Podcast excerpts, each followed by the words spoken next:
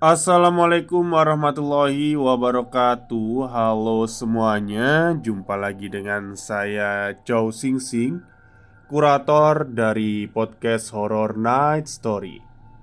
Halo apa kabar semuanya? Semoga kalian semua sehat-sehat ya.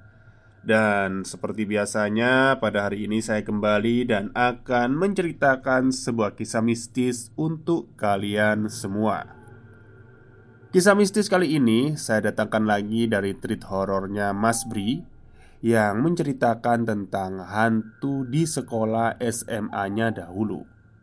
Oke, daripada kita berlama-lama, mari kita simak ceritanya. Beragam kisah yang menceritakan tentang keseraman gedung sekolah. Banyak di antaranya yang memang memiliki kisah masa lalu yang menakutkan. Jalur Cilegon Serang sepanjang kurang lebih 24 km menjadi santapan sehari-hari untuk bersekolah. Pulang pergi jadi nyaris 50 km. Semasa SMA, Sekolah gue cukup jauh dari tempat tinggal Rumah di Cilegon, sekolah di kota Serang. SMUN 1 Serang. Salah satu sekolah unggulan di Banten. Katanya, sekolah menengah yang paling tua juga. Sekolah gue ini letaknya persis di jalan utama kota.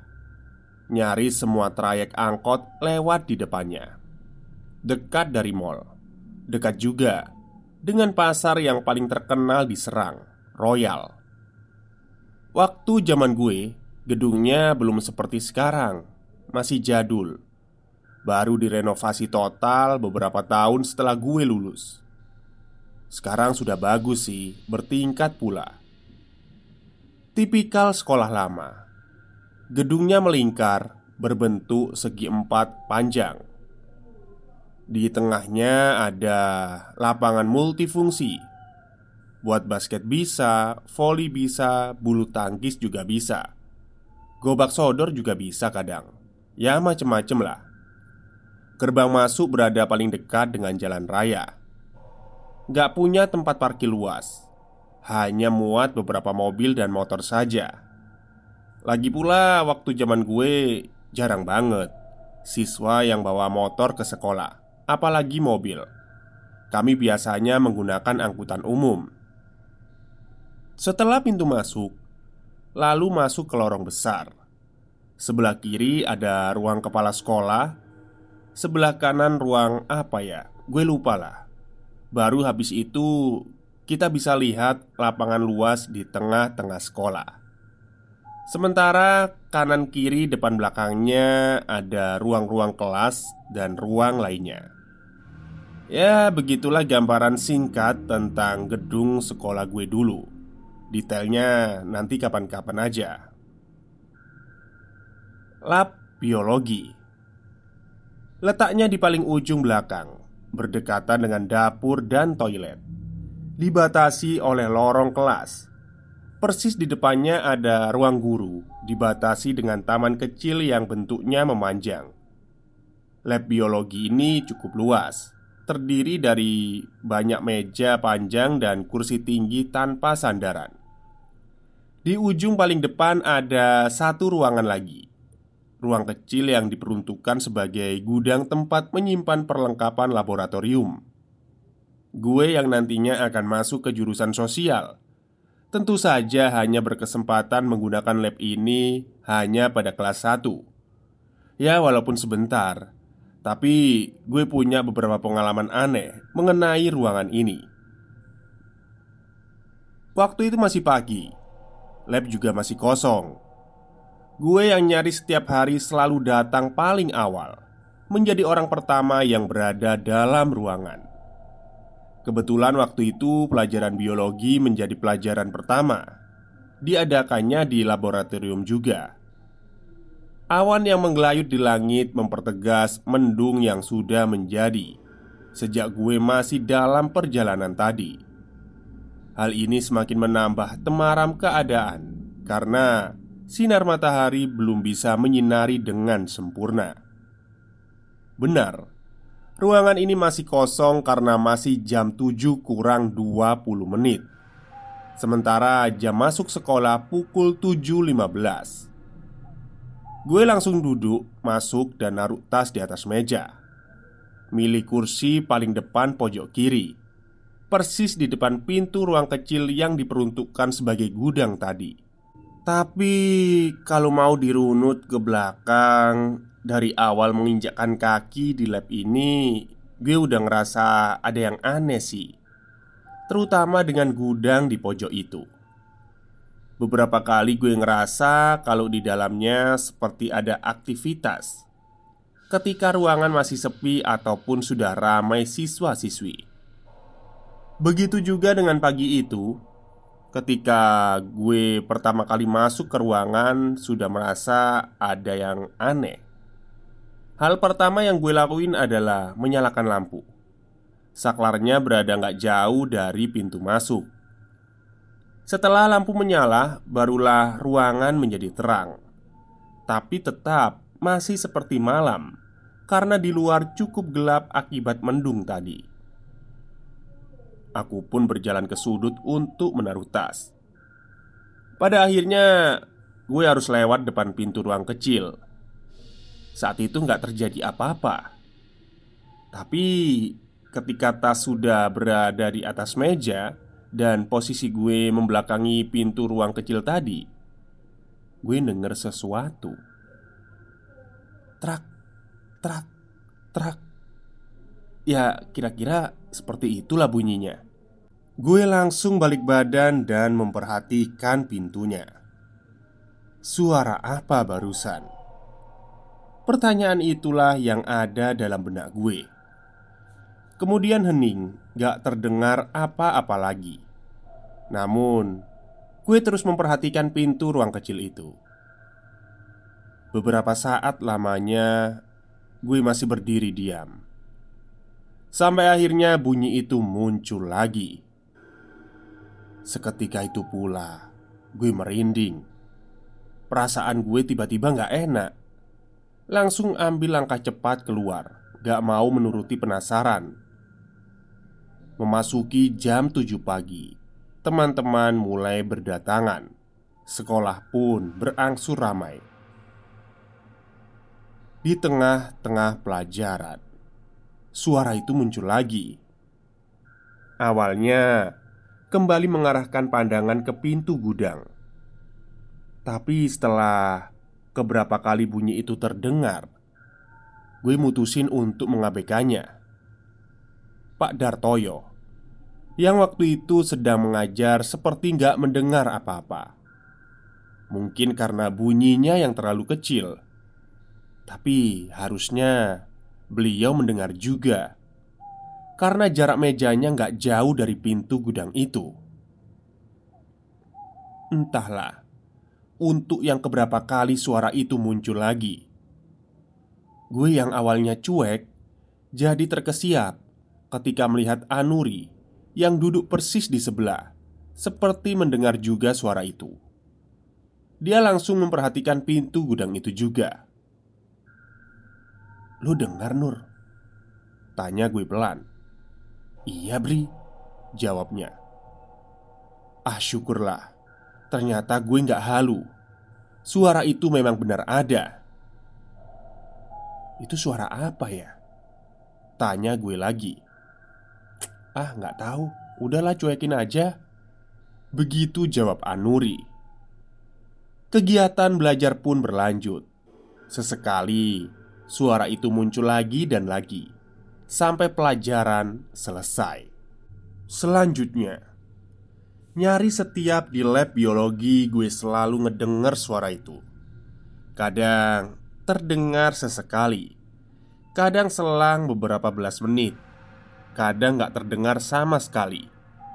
Dan anehnya Gak hanya Anuri Temen gue yang lain pun juga pernah ngedengar suara itu Sampai akhirnya pada suatu hari Di jam akhir pelajaran lab Pak Dartoyo manggil gue.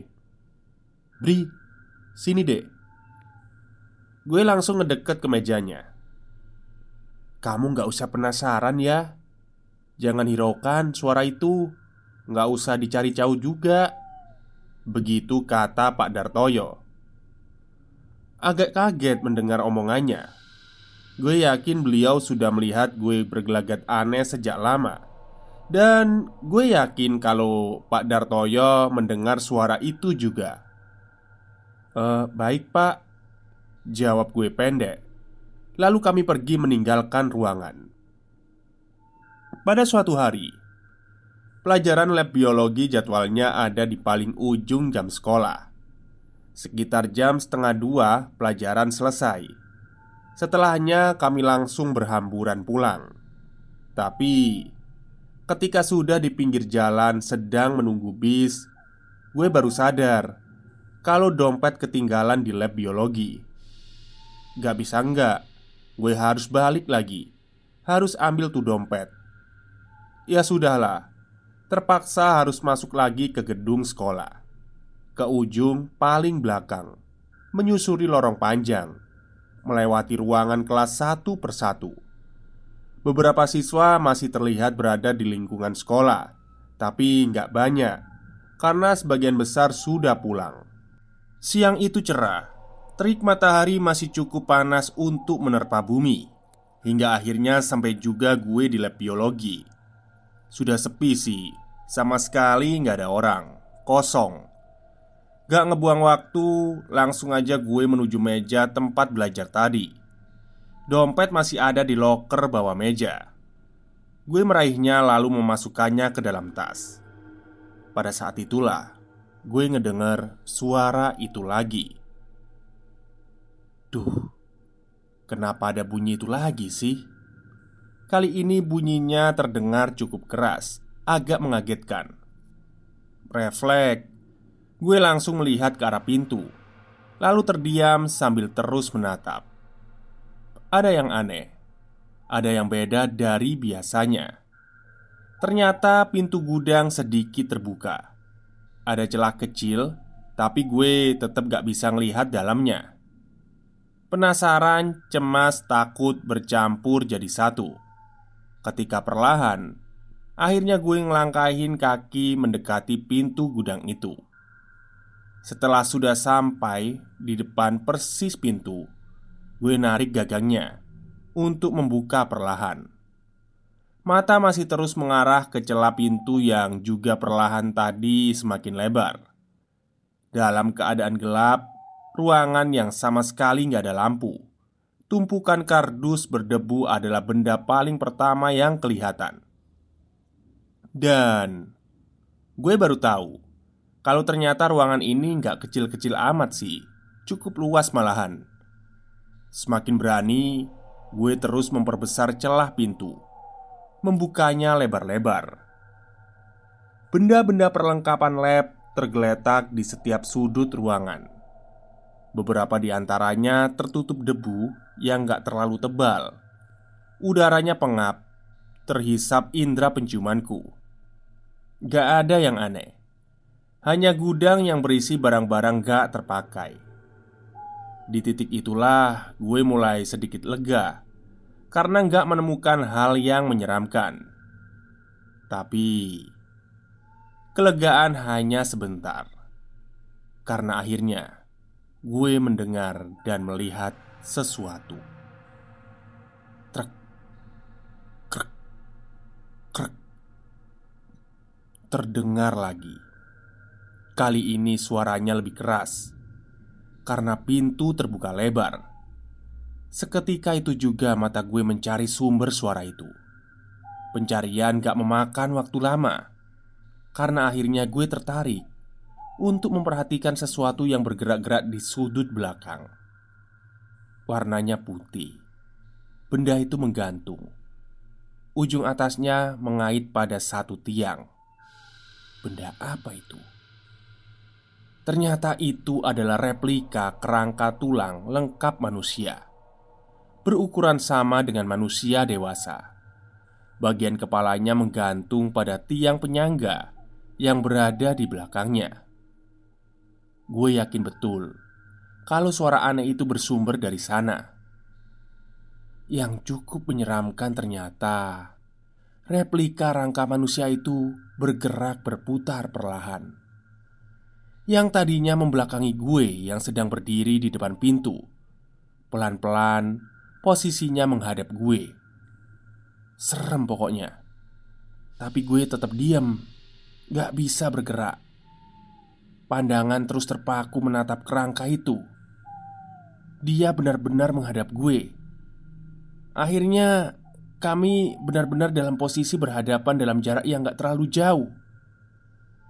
Beberapa detik kemudian, gue akhirnya bisa bergerak, lalu berlari kencang keluar ruangan. Kenapa gue tiba-tiba lari ketakutan? Karena ketika sudah berhadapan, walaupun dalam keadaan gelap, gue masih bisa melihat kalau tiba-tiba rahang tengkorak itu bergerak naik turun, membuat gigi bawah beradu dengan gigi atasnya dan menimbulkan suara yang sudah sejak lama membuat gue penasaran. Di kelas 2, gue masuk dalam kepengurusan OSIS. Masuknya karena ditarik Ray yang waktu itu sebagai ketua salah satu sekbid. Seperti anak OSIS pada umumnya, gue dan teman-teman kadang harus menginap di sekolah kalau sedang mempersiapkan suatu acara atau pensi istilahnya. Kami lebih memilih untuk menginap walaupun banyak teman yang rumahnya nggak jauh dari sekolah. Tapi nanti biasanya setelah malam semakin larut, satu persatu akhirnya lebih memilih pulang ke rumah masing-masing. Yang tinggal hanya segelintir saja yang rumahnya jauh. Seperti gue ini, biasanya anggota geng menginap terdiri dari gue, Ray, Ikhwan, Adi, Omes, Dedi, dan Ahmad. Biasanya gak jauh dari itu aja orangnya. Anak-anak yang seru dan lucu-lucu. Pada suatu malam, kami sedang dalam persiapan suatu acara yang akan diadakan esok hari. Acara tahunan yang biasanya berisi bazar dan pagelaran musik serta kesenian lainnya. Sama seperti acara-acara sebelumnya, kami mempersiapkan segalanya sejak jauh hari, memastikan seluruh kegiatan akan berjalan dengan baik dan sesuai rencana. Sampai ketika satu hari sebelum acara dilaksanakan Kami memutuskan untuk menginap di sekolah malam sebelum acara. Panggung sudah berdiri di lapangan. Berbagai pernak-pernik bazar sudah terpasang rapi Soundcheck sudah dilakukan Intinya Jam 9 malam Nyaris seluruh perangkat acara sudah siap Kami hanya tinggal bersenda gurau menikmati malam duduk beramai-ramai di tengah lapangan. Kami menikmati malam yang sangat indah itu. Saat itu ada belasan orang yang masih kelihatan warawiri di lingkungan sekolah. Canda tawa terdengar bercampur dengan percakapan khas anak SMA. Terdengar lantang di dalam lingkungan sekolah. Sementara waktu berjalan terus menuju tengah malam, sampai akhirnya Teman yang kebetulan rumahnya nggak jauh dari sekolah Satu persatu pulang Semakin mendekati tengah malam Hanya tinggal segelintir siswa yang masih berada di sekolah Jam 11 Hanya tinggal beberapa anak saja yang tinggal Dan memutuskan untuk menginap Gue, Ray, Dedi, Ahmad, Adi, Omes, dan Ikhwan Hanya mereka itu yang gue ingat karena kami ini yang nantinya seperti menjadi anggota tetap atau geng yang menginap di sekolah. Kami berkumpul, duduk di lapangan, persis di depan panggung. Gue duduk menghadap bagian belakang gedung. Oh ya, bagian belakang sekolah paling pojok ada toilet yang amat sangat jarang digunakan. Sehingga keadaannya jadi sedikit menyeramkan, kotor, lembab, dan berdebu. Kami lebih sering menggunakan toilet yang lain Atau diam-diam menggunakan toilet guru Di sebelah toilet ini ada dapur Biasa kami gunakan bila ada kegiatan yang ada acara memasaknya Atau untuk hanya sekedar membuat minuman panas atau mie instan. Toilet dan dapur berdampingan. Ada cerita seram. Kenapa toilet belakang itu jarang digunakan? Cerita yang gue dengar dari kakak kelas Mereka mendengar cerita itu juga dari kakak kelas sebelumnya. Terus turun-temurun. Katanya, dulu banyak siswa yang sering melihat penampakan hantu perempuan berbaju merah. Penampakannya nggak selalu malam, siang hari pun kadang hantu itu muncul. Penampakannya nyaris selalu di dekat toilet. Ada cerita kejadian yang terjadi beberapa tahun sebelum gue sekolah di situ. Jadi, ada satu siswa yang dinyatakan hilang sejak pagi sampai menjelang pulang.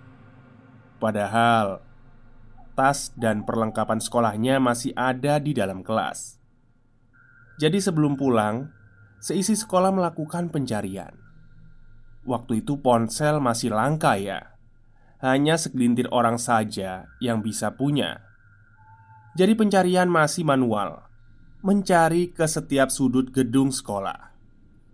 Singkatnya, Gak berapa lama kemudian si siswa ditemukan Ditemukan di dalam salah satu bilik toilet yang ada di pojok belakang itu. Duduk diam dengan wajah pucat dan terlihat sangat kelelahan. Dia bilang Tadi pagi harus ke toilet Karena seluruh toilet sedang ada yang menggunakan. Dengan sangat terpaksa dia berlari ke belakang menuju toilet yang berada di pojok itu. "Loh, terus kenapa kamu nggak kembali ke kelas lagi?" Tanya salah satu guru. Siswa itu pun menjawab, "Gak berani keluar bilik toilet karena ketika akan keluar, dia melihat sosok perempuan berbaju merah berdiri di depan pintu. Sosok itu wajahnya sangat menyeramkan. Melihat itu semua, dia lalu kembali masuk ke bilik toilet dan menutup pintunya, gak berani keluar. Setelah itu, beberapa kali dia sedikit membuka pintu, mengintip keluar. Ternyata sosok perempuan itu masih berdiri di tempatnya. Menangis ketakutan, si siswa memutuskan untuk tetap berada di dalam toilet dan berdoa. Sampai akhirnya ditemukan oleh teman-temannya menjelang jam pulang. Begitulah Sejak itu beredarlah cerita tentang hantu perempuan berbaju merah Yang gentayangan di toilet belakang. Jam setengah 12 malam Gue yang duduk menghadap bagian belakang sekolah Sesekali melihat beberapa ruang kelas Yang kelihatan gelap dan kosong. Hanya cahaya dari lampu lorong yang menerangi. Itu pun redup. Sekali lagi Zaman gue dulu, gedung sekolah ini masih termasuk bangunan tua. Mungkin umurnya sudah beberapa puluh tahun. Jadi ya gitu deh Bentuk bangunannya sangat kuno dan klasik. Selasar memanjang di depan kelas-kelas. Di atasnya ada atap yang ditunjang oleh tiang kayu. Dengan lantai keramik yang kuno juga. Pokoknya klasik banget lah. Jadi kalau sudah gelap Suasana lingkungan sekolah agak menyeramkan. Beberapa pohon besar berdiri di sekeliling lapangan, di depan perpustakaan dan di belakang ruang guru. Teduh di siang hari, seram kalau malam hari.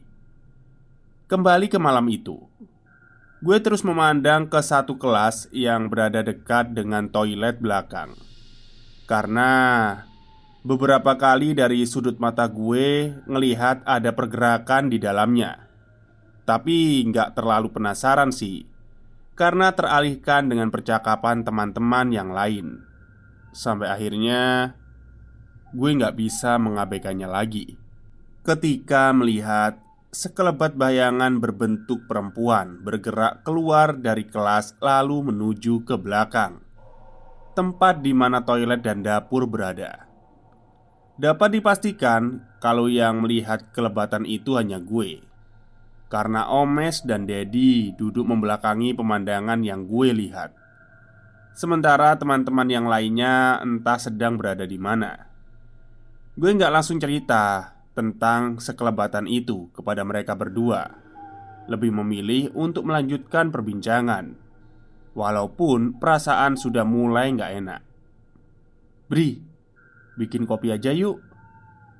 Dedi mengajak membuat kopi di dapur Dapur yang bersebelahan dengan toilet belakang. Gue mengiyakan. Lalu kami berjalan menuju dapur. Tapi ketika sudah sampai Ketika sedang merebus air Dedi bilang dia sakit perut.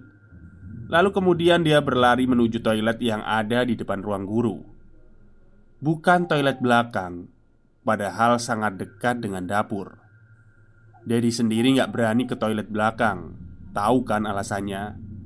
Akhirnya gue sendirian di dapur ketika Dedi sudah kabur ke toilet. Berdiri memperhatikan kompor yang tengah merebus air. Sementara lorong toilet ada di sebelah kiri. Lorong yang gelap tanpa penerangan sama sekali. Gue berusaha semaksimal mungkin untuk gak memperhatikan lorong itu. Tapi tetap saja Beberapa kali secara refleks gue ngelirik ke arahnya. Sampai akhirnya suasana berubah. Tiba-tiba saja hawa gak enak datang menyeruak menyentuh perasaanku. Udara yang gue hirup mendadak jadi hangat cenderung panas. Agak sedikit sesak gue bernafas. Jantung seperti berhenti berdetak. Bulu kuduk merinding semua. Gue lantas terpejam Karena beberapa detik sebelumnya dari sudut mata gue Gue seperti ngelihat sesuatu Di lorong toilet ada sosok perempuan berbaju merah itu sedang berdiri diam menghadap gue yang sedang terpaku di depan kompor. Seketika itu pula langsung gue menjemin mata. Gue ketakutan, nyaris menangis, lalu gue maksa membuka mata, menoleh ke lorong toilet. Dan perempuan itu masih ada.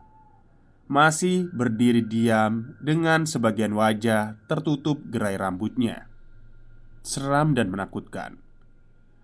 Perlahan gue matiin kompor. Setelah itu langsung balik badan dan melarikan diri menuju lapangan, di mana sudah ada Omes dan Ikhwan di situ. Kenapa lari-lari gitu, Bri? Ada apa? Nih, kopinya mana? Banyak tanya dari Omes ketika gue sudah sampai di lapangan. Ada hantu baju merah di toilet belakang. Jawab gue nyaris berbisik Ah, masa sih Bri? Ngayal kali lo Ama Ethan aja takut Begitu kata Ikhwan Sepanjang yang gue tahu Ikhwan adalah anak yang pemberani Gak takut sama hantu dan hal-hal mistis lainnya. Ya udah kalau gak percaya Lo aja Gi Sama Omes yang bikin kopi. Sungut gue sedikit kesal. Di lapangan akhirnya hanya ada gue, Ikhwan dan Omes Sementara anak-anak lainnya berada di ruang OSIS. Gak lama kemudian Dedi datang bergabung di lapangan Setelah urusannya dengan toilet selesai. Masih berempat Berbincang di lapangan Ketika sudah lewat tengah malam Nyaris jam satu. Mes, ke dapur yuk Temenin gue bikin kopi Ajak Ikhwan ke Omes.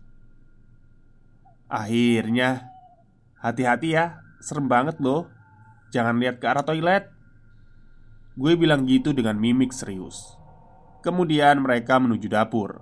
Sementara Gue dan Dedi tetap duduk menunggu di lapangan Suasana malam semakin larut Memang menunjukkan gejala perubahan Langit yang tadinya cerah berangsur mulai berawan Udara yang tadinya agak dingin mulai terasa gerah kami pun semua merasakan itu. Sampai akhirnya ada kejadian yang benar-benar menyeramkan. Sekitar setengah jam setelah Ikhwan dan Omes ke dapur, gue dan Dedi yang tengah berbincang dikagetkan oleh suara langkah kaki orang yang berlarian dari arah belakang. Ternyata itu adalah Ikhwan dan Omes menuju lapangan tempat gue dan Dedi duduk. Beneran, Bri. Ada hantu baju merah di toilet Gue sama Omes ngeliat Begitu kata Iwan sambil ngos-ngosan Sementara Omes hanya diam terpaku dengan wajah pucat ketakutan Gue belum menjawab omongan Iwan sama sekali Ketika tiba-tiba Tangan Dedi menunjuk ke selasar Yang mengarah menuju toilet belakang dan dapur. Kami semua langsung melihat ke tempat yang Dedi maksud. Di lorong itu kami melihat Sosok perempuan berdiri dalam gelap. Dia memperhatikan kami. Ya, kami. Bukan hanya gue Tapi kami semua. Diperhatiin sama sosok itu. Kita ke ruang OSIS aja lah Omes akhirnya bersuara. Lalu kami pun bergegas menuju ruang OSIS. Letaknya di sisi berlawanan dengan tempat penampakan hantu. Tanpa berani menoleh ke belakang Kami terus berjalan menuju ruang OSIS. Setelah sampai, di dalam ternyata sudah ada Adi, Rai, dan Ahmad. Kami langsung menutup dan menguncinya Lalu menceritakan kejadian yang baru saja terjadi kepada kami bertiga Akhirnya kami semua nggak keluar orang OSIS sampai pagi menjelang. Maksudnya mungkin kami berempat ya sama Dedi ya. Oke uh, Itu saja cerita dari Mas Bristory yang bercerita tentang Masa SMA-nya dan hantu di sekolah SMA-nya Terima kasih sudah mendengarkan cerita ini. Semoga kalian suka Selamat sore dan selamat beristirahat.